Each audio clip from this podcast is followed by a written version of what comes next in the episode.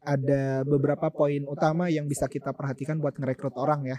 Yang pertama tuh orang terhadap skillnya. Jadi skill mah misalnya kita mau rekrut copywriter ya, tes lah dia dengan ujian copywriter. Kita mau desainer, kita uh, ujilah dengan dia bikin desain. Itu satu. Yang kedua uh, baru nih person to person kecocokan user atau leader dengan talentnya. Misalnya Novel mau rekrut ya yang gak penting orang ini gak cocok sama saya. Yang penting cocok sama Novel karena Novel yang akan ngelid dia ke depannya. Terus yang terakhir uh, person to organization. Nah, ini sama value-value perusahaan. Nah, biasanya Selamat datang di podcast You Business. Podcast yang membantu kamu untuk terus belajar dan berbagi insight untuk mengembangkan bisnismu. Di sini, kita akan belajar dari para praktisi ataupun berbagi insight dengan tim You Business sendiri. Selamat mendengarkan. Nah, tadi ada key nih terkait komposisi apa komposisi generasi di suatu perusahaan.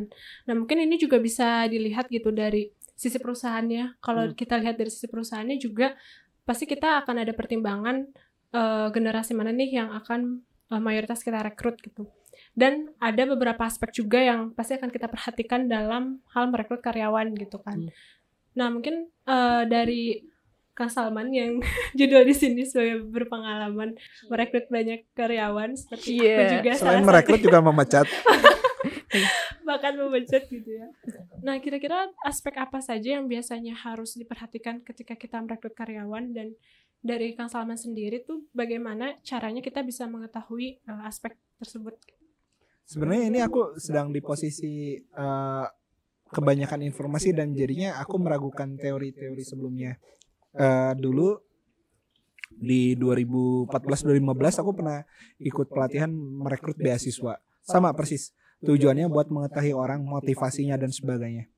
Jadi uh, si proses penerimaan beasiswa ini tuh hampir sebulanan kali ya prosesnya uh, dan institusi ini mengeluarkan budget cukup besar buat ngambil beasiswa. Jadi misalnya kalau kalau benefit yang didapat sama si best one itu 50 juta, bisa jadi buat ngerekrutnya sendiri dia habis 5 jutaan per satu orang yang mau masuk ke hmm. sana dan satu satu base itu bisa 30 sampai 50 orang. Hmm.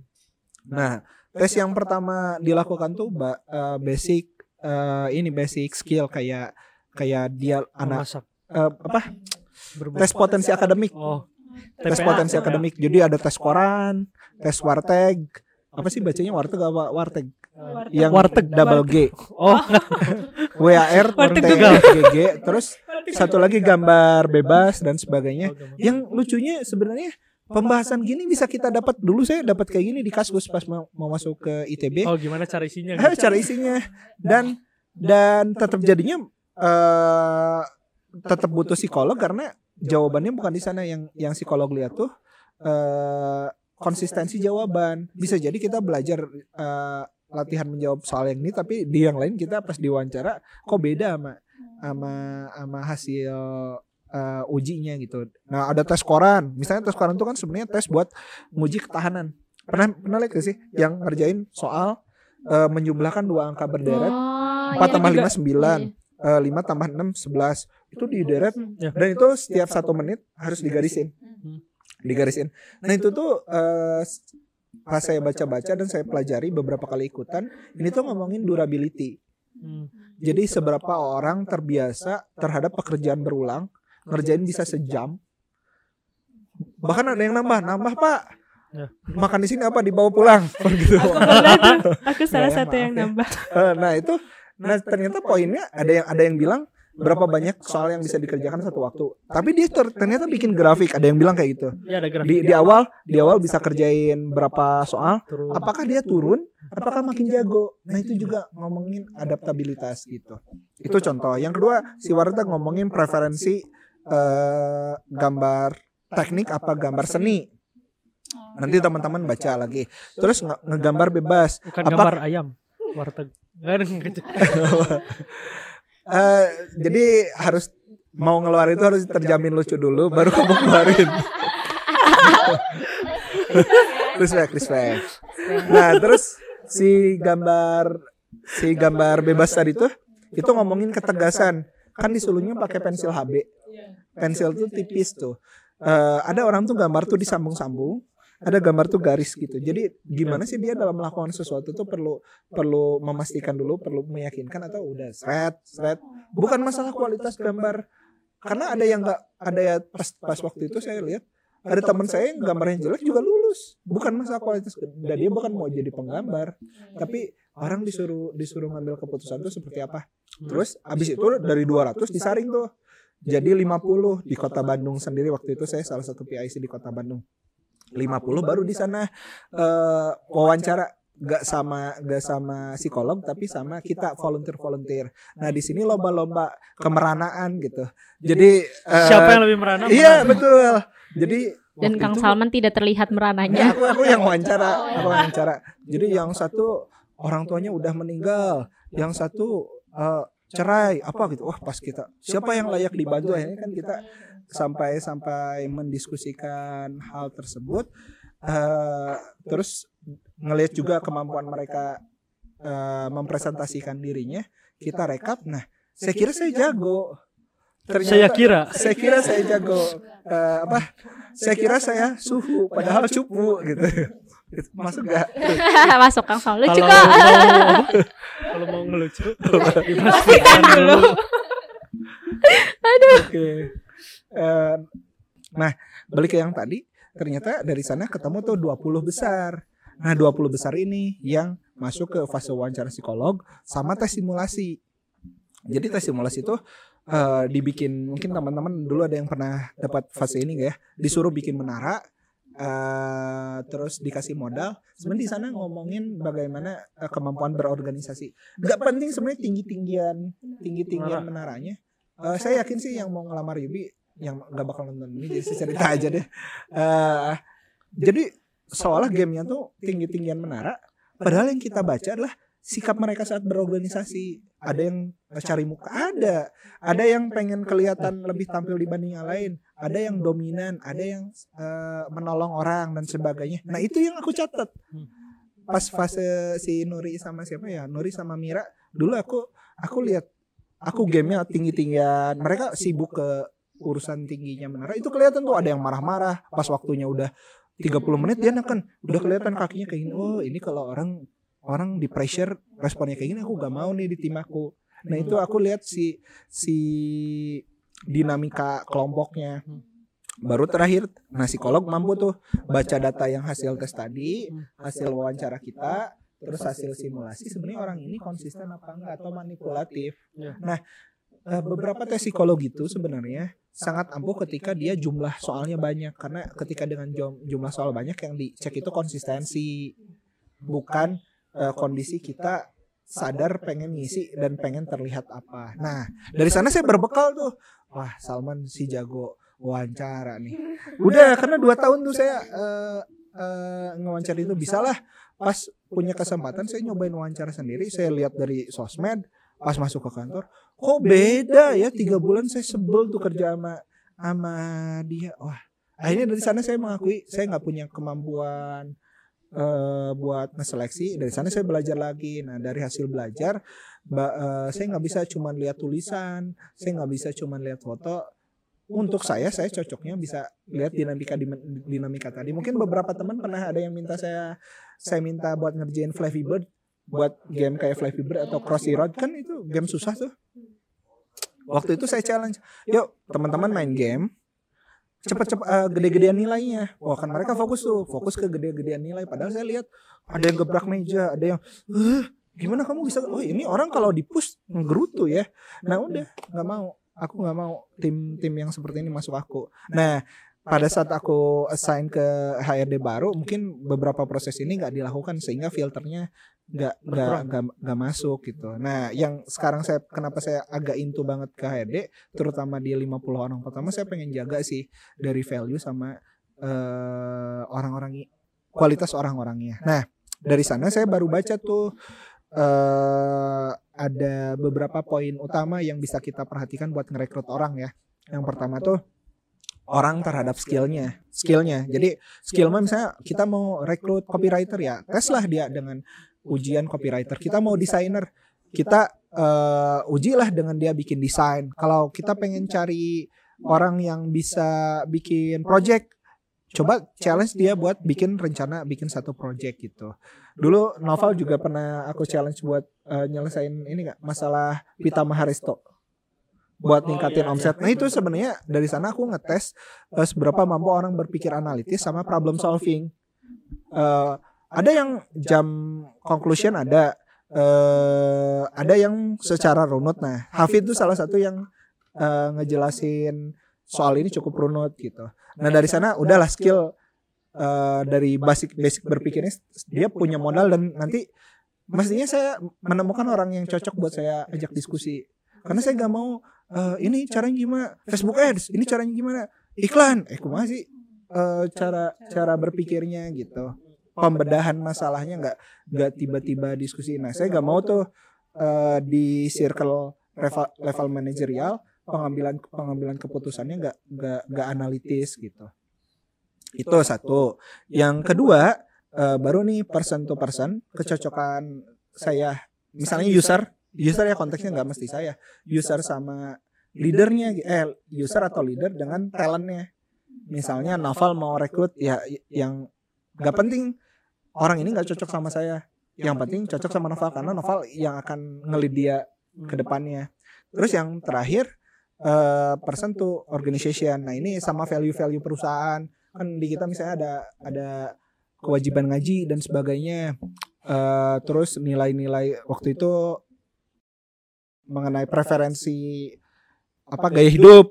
Hmm. Fit gak sama sama you business itu juga saya perhatiin dari dari sosmed dan sebagainya jadi minimal tiga parameter ini tadi skill mah itu silakan saya serahin ke leadernya masing-masing kalau masalah person to organization saya bisa terlibat langsung saya cek uh, si, siapa yang mereka follow uh, apa yang kan sebenarnya apa yang mereka siapa yang mereka follow tuh ada refleksi apa yang mereka konsumsi di kepalanya. Saya belum tahu cara gimana uh, apa yang mereka lihat di YouTube-nya mereka gitu.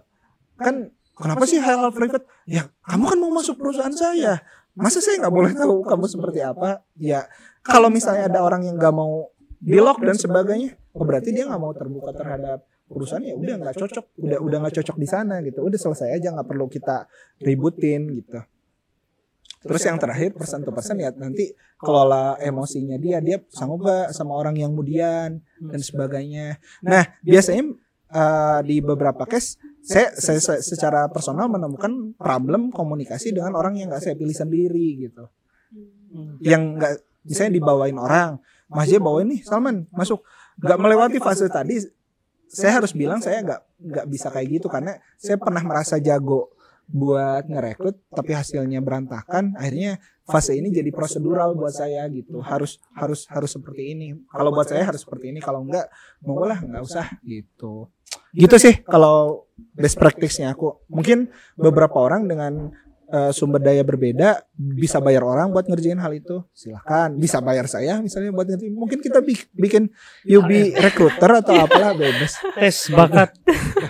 Gitu sih kurang lebih enggak uh, sambil mungkin ada tambahan dari yang lain oh dari aku sendiri sih akhirnya jadi paham kang dulu tuh suka ada pertanyaan kenapa Kang Salman tuh suka apa terlibat ada di prosesnya gitu dan tadi dari jawaban-jawabannya akhirnya aku sendiri bisa nangkep uh, kenapa jadi akhirnya melibatkan diri minimal di menjaga di 50 orang pertama itu gitu. Sesederhana ini sih Bill. Sebenarnya aku kan bisa ngabisin waktu satu sejam aku. Tapi ketika orang yang gak pas dia kerja tiga bulan aja. tiga kali gajinya dia sekian. Harga sejam aku tuh sama tiga bulan itu mahalan mana? Oh kayaknya aku mau nih invest waktu sejam ini. Setidaknya orang ini berkualitas. Saya yakin perusahaan yang udah karyawannya seribu dua ribu tidak melakukan hal yang sama. uh, kita tidak pada posisi itu. nah ini pengambilan keputusan tuh seperti itu sih kurang lebih. Atau saya memang nggak bisa ya sign ke orang lain yang memang bisa bantu ngerjain itu nah saya, saya punya basic pengalaman melakukan hal tersebut. Uh, kayaknya bisa deh masih bisa deh. Makanya mungkin teman-teman yang udah lama di sini paling lama Liana ya. Bisa baca deh uh, keseragaman keseragaman. ah Mas Abud mungkin Mas Abud bisa bisa lihat perbedaan pel- sebelum saya masuk setelah saya masuk sama orang-orang yang saya rekrut langsung gitu yang saya rekrut langsung ya. Eh, Mas Abud bisa berpendapat. Mungkin Mas Abud mau masuk frame Kalau bersuara di situ aja akan masuk nggak sih suaranya? Nah gitu mungkin dari Adila ada tambahan sebagai yang pernah juga membantu gitu kan di sisi rekruter. Oh mau nanya ini dong Kang, kan Boleh. bisa manipulasi. Maksudnya kita tahu tipe-tipe recruiter tuh kalau ada tes, ada pertanyaan tuh udah ada lah pakemnya lah Ah. kasarnya gitu. Iya bisa googling Ah, terus orang-orang bikin artikel gimana cara lolos wawancara kan gitu ya ya, terus tadi misalkan sosmed eh, dicekin. Hmm. Nah, ada kan misalkan eh, case-nya kayak sebutkan lima eh, kelebihan kamu enggak lima akun yang kamu subscribe di YouTube atau kita sebaiknya ngecek semuanya gitu. oh gen mbak dicek dicek bukan bukan disebutkan Hmm. mungkin di ada ada teman-teman eh malamnya nonton video porno mungkin dia bakal gak bakal bilang eh, dia Ya. nonton video porno di wawancara gitu. Eh kurang lebih kayak gitu sih Val. Terus poin dari poin dari manipulasi itu manipulasi itu ada batasnya Val. Val coba kita simulasi ya. Aduh. Ini teman-teman jangan lupa Kang Salman habis NLP ingin membuktikan enggak enggak Coba Kang Salman. ente coba manipulasi Coba. Nah, sob. iya. ente ngaku jadi apa misalnya kampus kampus ngaku rek- jadi kampus mana misal Val Harvard. oke Val kuliah di mana Harvard. Eh, ngambil jurusan apa Medical Science medical science waktu itu tinggal di mana di dekat sungai yang di pertanyaan ketiga sudah tidak Gagal. bisa bertahan. Atau nggak tuh ya, ya kamu juga manipulasinya susah banget. Coba coba. Ya, aku aku dari ITB ya. Noval kuliah di mana? ITB mas. Di TB ngambil jurusan apa? Eh, geologi. Waktu itu siapa kaprodinya kaprodinya Pak Stevian. Pas Stevian. Pas Stevian ini ngajar mata kuliah apa? Ma mata kuliah geologi teknik. Geologi teknik geologi teknik tuh belajar apa sih? Jadi struktur eh, tanah itu harus dibor gitu Kang eh, buat cari kedalamannya. Terus dia dia simulasikan ini bisa dijadi struktur untuk pengboran minyak atau bukan gitu sih. Oke ini kayak Udah eh, jago ya. Pak Gandul lagi ngomong. Tahu gak Pak Gandul? Oke lanjut Sa. Eh, di geologi waktu itu seangkatan berapa orang Sangkatan 200 200 orang. 200-an tapi ada satu orang yang keluar sih waktu itu. laki-lakinya berapa persen? Laki-laki yang dominan sih 180. Jadi cuma 20-an lah yang di di angkatannya Noval yang jadi kahim siapa? Yang Kahim si Farid. si Farid. Saingannya Farid siapa? Farid itu sama Denny kalau nggak salah. nah kita sudah sangat memahami bahwa Noval ini jago memanipulasi ya. Tapi teman-teman dapat lah ya. Maksudnya eh, ini dikejar terus tuh ada batasnya kok manipulasi. Dan yang kasihan tuh sebenarnya bukan perusahaannya aja. Dianya juga harus memake up diri terus menerus gitu. Gitu sih. Jadi untuk konteks ini be yourself saya sepakat ya. Gitu sih. Nah, tadi lanjut gitu ya, sudah dari eh, kita bisa dari aspek apa aja yang diperhatiin ketika kita merekrut karyawan. Dan berarti juga akan menentukan kan misalnya kita dari sisi perusahaan bisa menentukan tadi gitu komposisi generasi apa yang akan mendominasi yang sesuai juga dengan value dengan eh, gaya hidupnya juga gitu tadi disebut. Nah di eh, case-nya di beberapa perusahaan ataupun mungkin juga di UBI ya dari dua generasi ini ada aja gitu perbedaan karakter gitu ya karakter personality. Gimana cara mentreat eh, karyawan yang berbeda-beda itu gitu. Entah mungkin walaupun sesama generasi tapi bisa aja tetap ada beda karakter dan personality gitu. Nah mangga ada yang mau berpendapat? Adila Mas Salman Nanda? Eh, ini pun sebenarnya yang harus jawab eh, kamu nanyanya sebagai aku sebagai perusahaan apa aku sebagai talent dari aku ngomong dari aspek perusahaan ya. Perusahaan bisa memilih pekerjaan yang mau dia lakukan apa tidak. Tadi misalnya eh kalau kata William Tanuwijaya di salah satu podcast tuh eh, kehidupan kita tuh punya mirip juggling sebuah bola. Pernah dengar yang ini? Eh, sem- semua bola itu dibikin dari kaca. Bola-bola itu kesehatan keluarga eh, spiritual pertemanan sama bisnis atau uang dan sebagainya semua bola dibikin dari kaca yang bisnis ini cuman karet Jadi yang lain jatuh bisa rusak, kesehatan udah rusak, keluarga, hubungan dan sebagainya bisa rusak. Tapi bisnis mah bisa eh, jatuh dan bangkit lagi gitu ya. Iya.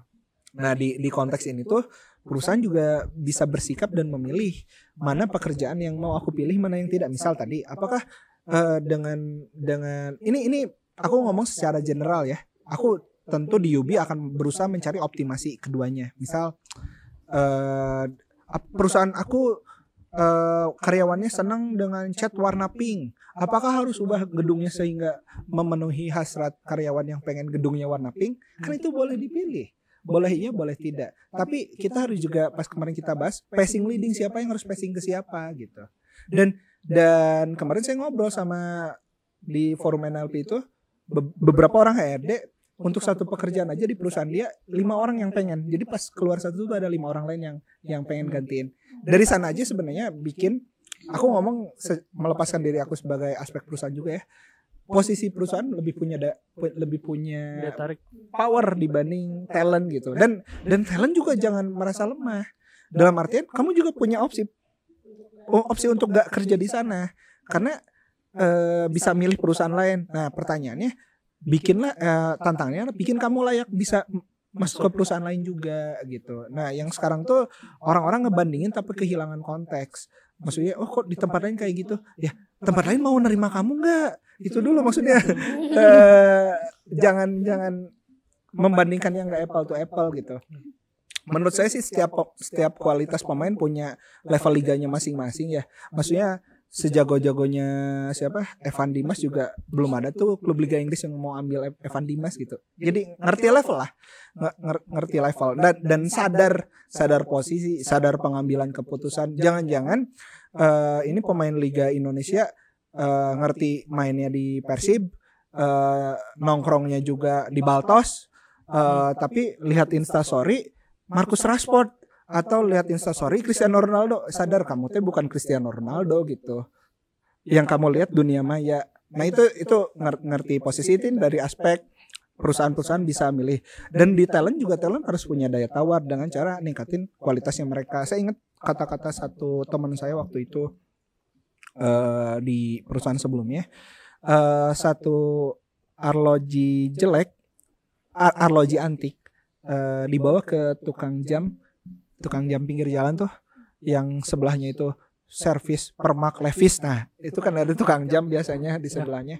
Kalau nggak ada Pak Haji sebelahnya ada Pak Asep pokoknya nama.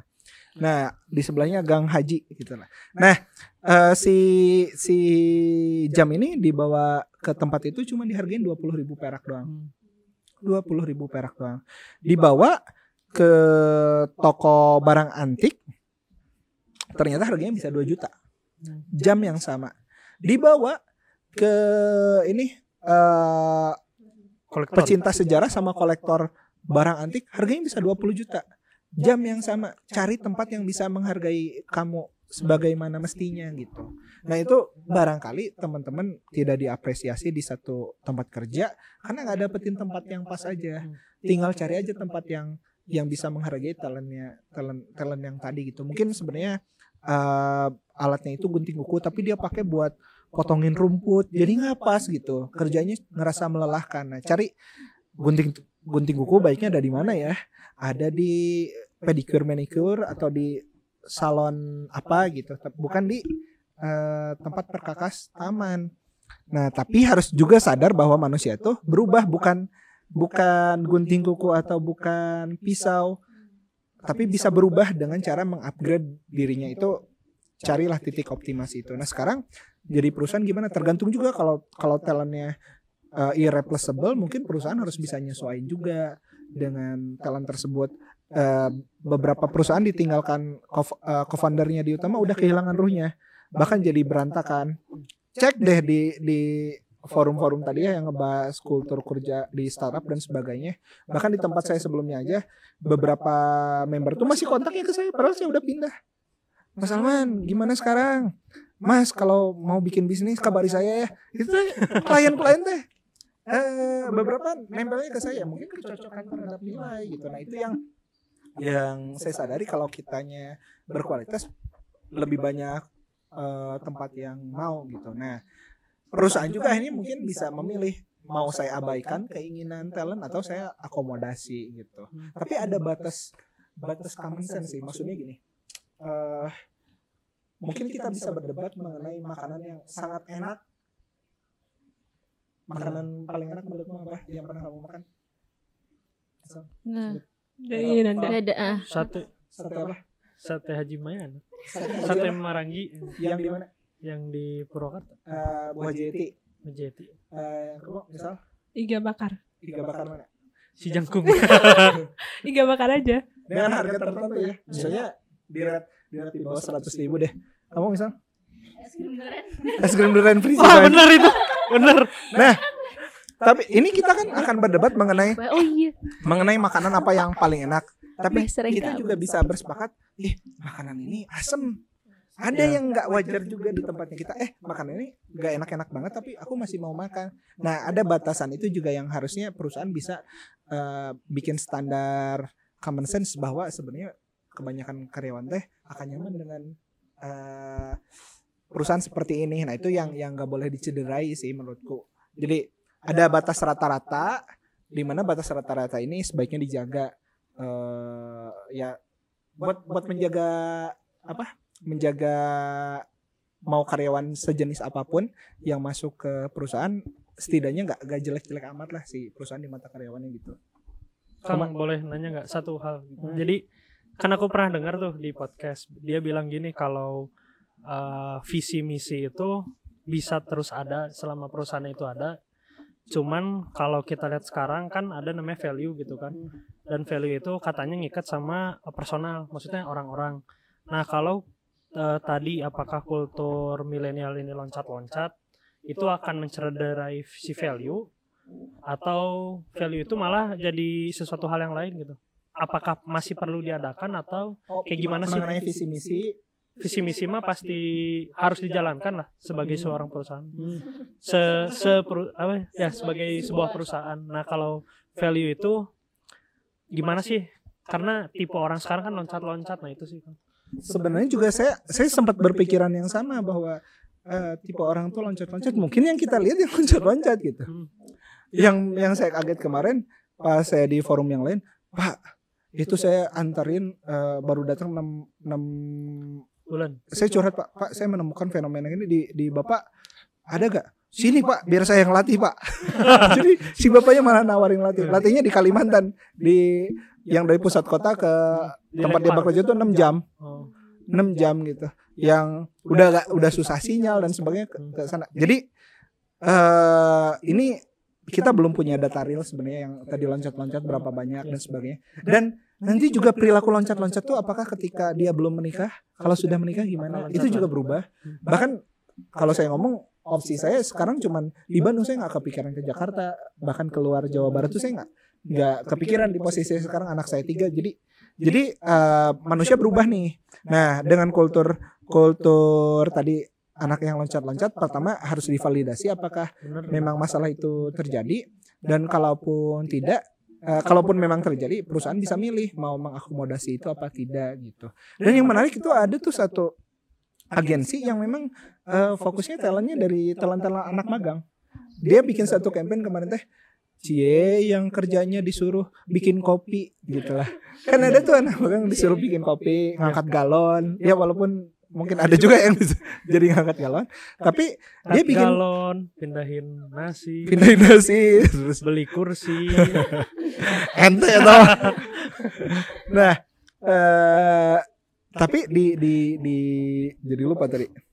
Tapi dia berhasil bikin nge-branding bahwa si magang di tempat dia itu sangat menyenangkan aku follow sih link link ini jadi kayak wah anak-anak magang dari sana tuh eh, pasti keterima ke tempat yang lebih bagus gitu.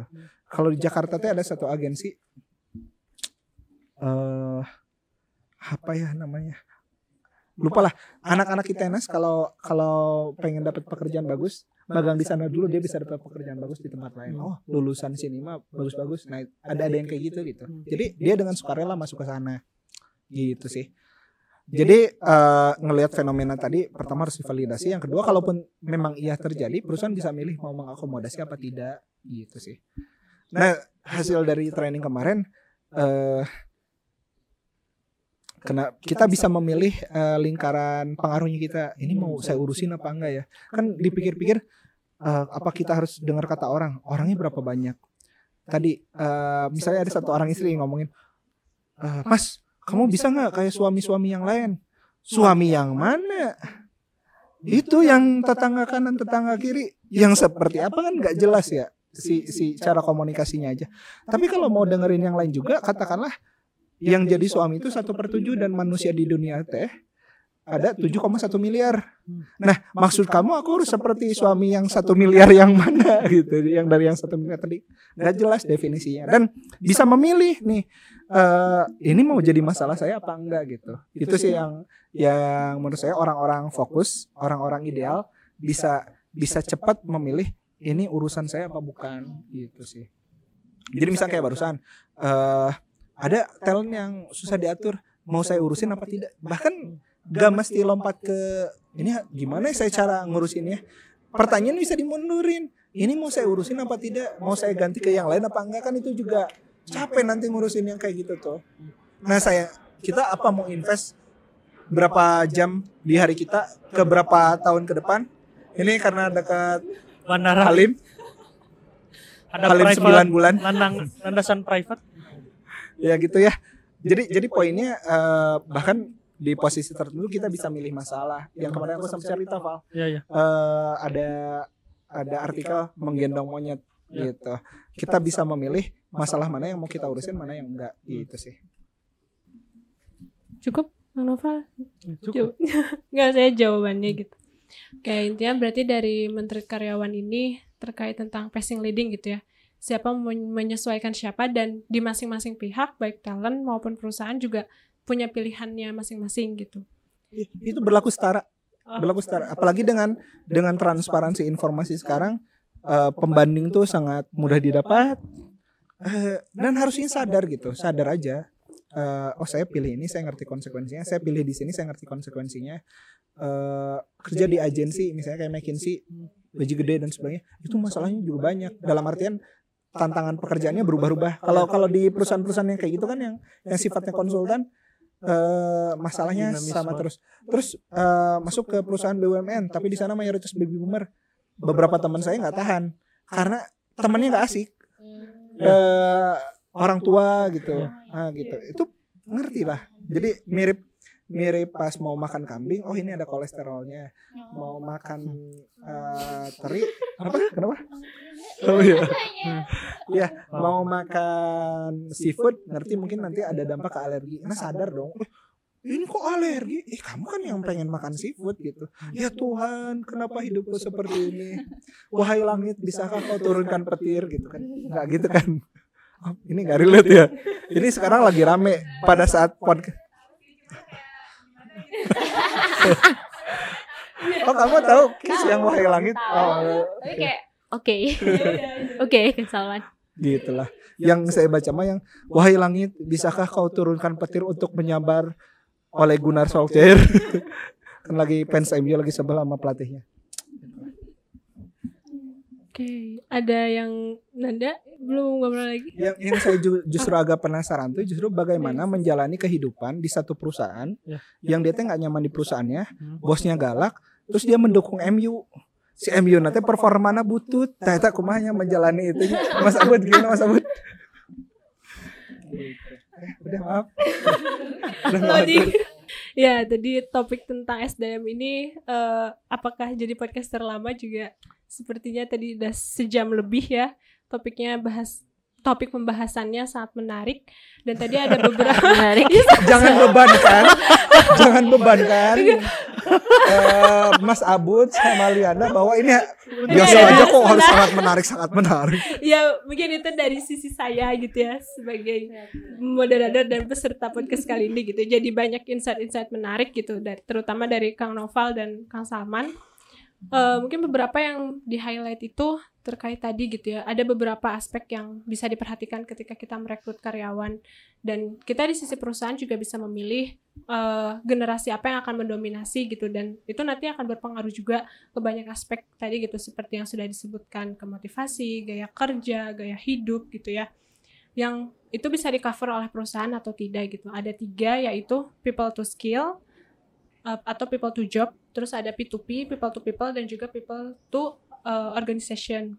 Lalu tadi di bagaimana cara menteri karyawan, key-nya itu ada di passing leading. Jadi siapa me- mau menyesuaikan siapa dan keduanya punya pilihan dan pilihan itu sebenarnya setara gitu. Gimana uh, kita perusahaan punya kesadaran memilih dan mempunyai power yang lebih gitu dibandingkan uh, talentnya dan talentnya pun juga punya kesadaran memilih gitu. Dia uh, mau memilih perusahaan yang seperti apa gitu. Tadi gitu kalau misalkan memilih perusahaan BUMN ya berarti akan dimayoritasi dengan baby boomer gitu.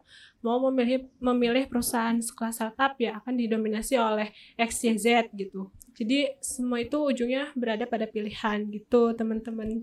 Jadi mungkin sekian dari segmen ngobrol bareng Yubi episode 5 tentang SDM kita bertemu lagi di podcast selanjutnya episode 6 yang topiknya masih rahasia Emang. Eh, saya sel- tadi saya juga lupa ya ngenalin diri di awal gitu jadi jadi aku Iya, jadi aku Dia itu saja.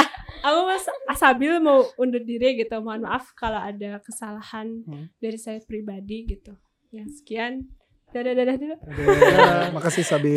Terima kasih sudah mendengarkan podcast ini. Jika kamu merasa podcast ini bermanfaat, jangan lupa bagikan ke teman-teman kamu ya, supaya mereka juga dapat manfaat yang sama. Jangan lupa juga untuk mengikuti kami di Instagram at yourbusiness.com, karena di sana kami juga akan berbagi banyak insight seputar bisnis lainnya. Sampai bertemu di episode selanjutnya.